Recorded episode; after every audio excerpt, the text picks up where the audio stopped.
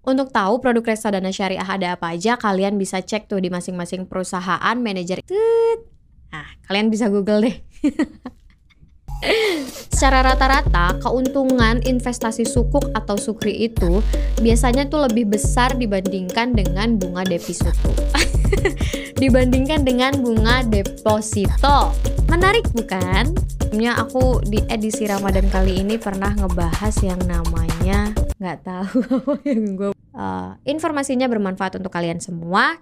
Ja, uh, ih, ulang mulu nih kayak puasa nih. Ulang ulang ulang.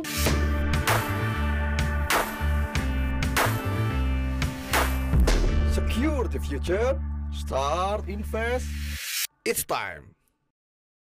Assalamualaikum warahmatullahi wabarakatuh. Apa kabar teman-teman semua? Masih sehat ya? Masih kuat puasanya? Nah, kembali lagi nih Vina ingatkan supaya ibadah kita di tahun ini di bulan Ramadan yang penuh berkah ini bisa diterima oleh Allah Subhanahu wa taala dan diberi kelancaran uh, serta selalu kuat deh intinya. Karena ini syutingnya itu jam 5 sore.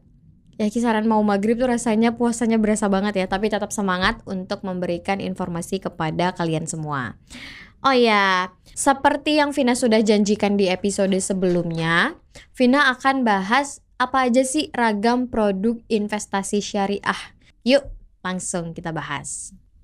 Pertama adalah saham syariah. Apa itu saham syariah?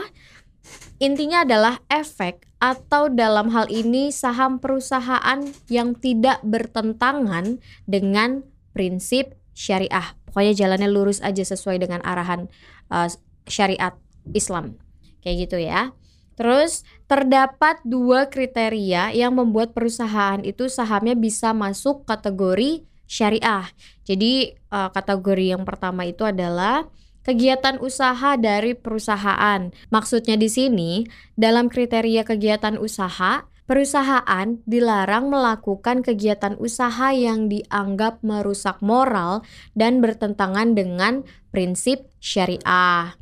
Apalagi uh, udah ada istilah uh, judi gitu ya. Jadi harus tetap syariah di pasar modal. Misalnya ada perjudian dan permainan yang tergolong dalam judi. Terus juga perdagangan yang tidak menyertakan penyerahan barang atau jasa. Ih, itu mah bohong kali ya. Perdagangannya ditipu-tipu. Terus yang ketiga, ada perdagangan yang memberikan penawaran atau permintaan palsu. Itu juga nggak boleh, itu kan merugikan kan. Langsung yang keempat ada bank berbasis bunga. Kalau yang berbasis bunga itu kan setahu Vina tuh hukumnya riba, ya gak sih? Lalu ada lagi perusahaan pembiayaan yang berbasis bunga juga. Uh, serem ya. Terus juga ada transaksi jual beri risiko yang mengandung unsur ketidakpastian atau judi. Itu udah kita bahas tuh ya sebelumnya mengenai judi-judi itu. Nah, ada lagi nih, melakukan kegiatan produksi, distribusi perdagangan yang barang dan jasanya itu adalah haram, itu juga tidak sesuai dengan syariah. Nah, yang terakhir adalah melakukan transaksi yang di dalamnya mengandung unsur suap. Itu sangat diharamkan sih sebenarnya. Suap menyuap itu nggak bagus lah intinya.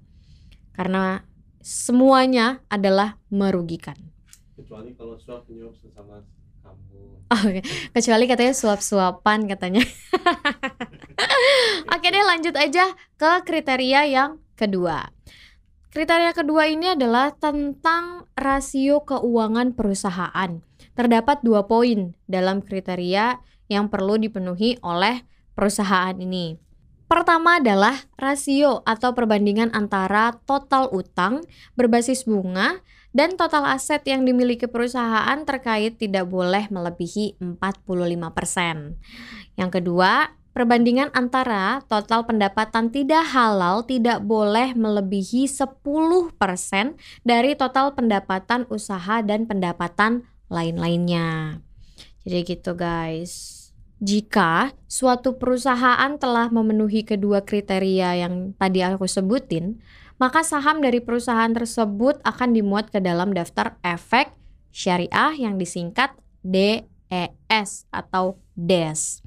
Nah, DES ini adalah kumpulan efek yang tidak bertentangan dengan prinsip syariah di pasar modal. Daftar ini juga merupakan salah satu panduan utama Bursa Efek Indonesia dan pihak-pihak terkait saat hendak menerbitkan indeks saham syariah.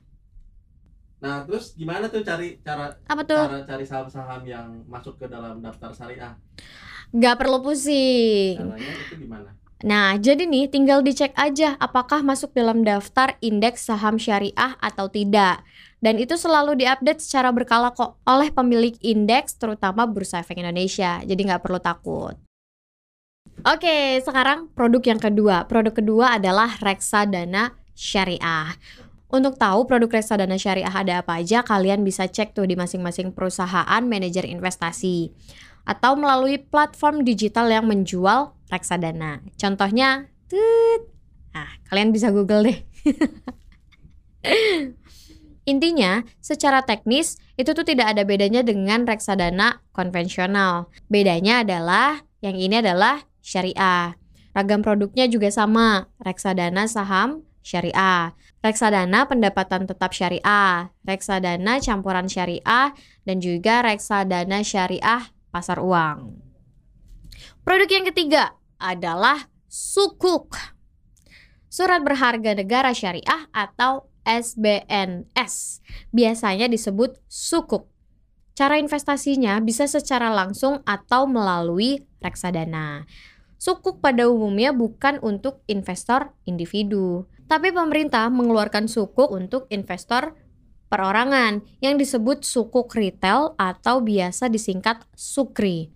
Ada juga sukuk tabungan untuk investor retail. Secara rata-rata, keuntungan investasi sukuk atau sukri itu biasanya tuh lebih besar dibandingkan dengan bunga deposito. dibandingkan dengan bunga deposito. Menarik bukan? Nah, dari tiga instrumen investasi syariah yang tadi Vina sebutin, kalian pilih yang mana? Saham syariah, reksadana syariah, atau sukuk? Nah, kalian bisa komen tuh di bawah. Lebih tertarik yang mana? Itu sesuai pilihan kalian ya. Balik lagi nih, Vina selalu ingatkan untuk berhati-hati memilih saham dan jangan malas belajar untuk mempelajari lagi sebelum memilih pilihan yang tepat. Jadi, sebelum kalian memilih saham ataupun reksadana apa pun, kalian harus belajar supaya nanti hasilnya juga lebih baik gitu. Jadi nggak asal-asalan hasilnya. Satu lagi juga jangan lupa disiplin yang paling utama. Betul. Satu lagi jangan lupa disiplin. Oke, segini dulu pembahasan Vina kali ini dan terima kasih sudah menyimak. Semoga bermanfaat untuk kalian semua. Tapi jangan lupa untuk di-subscribe, like, komen, dan juga di-share ke teman-teman kalian agar informasi yang Vina bagikan ini tuh bermanfaat. Apalagi di bulan Ramadan, berbagi ilmu itu kan baik ya.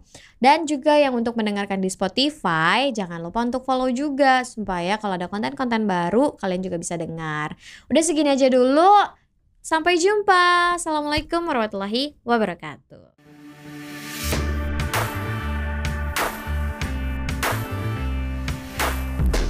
Secure the future. Start invest. It's time.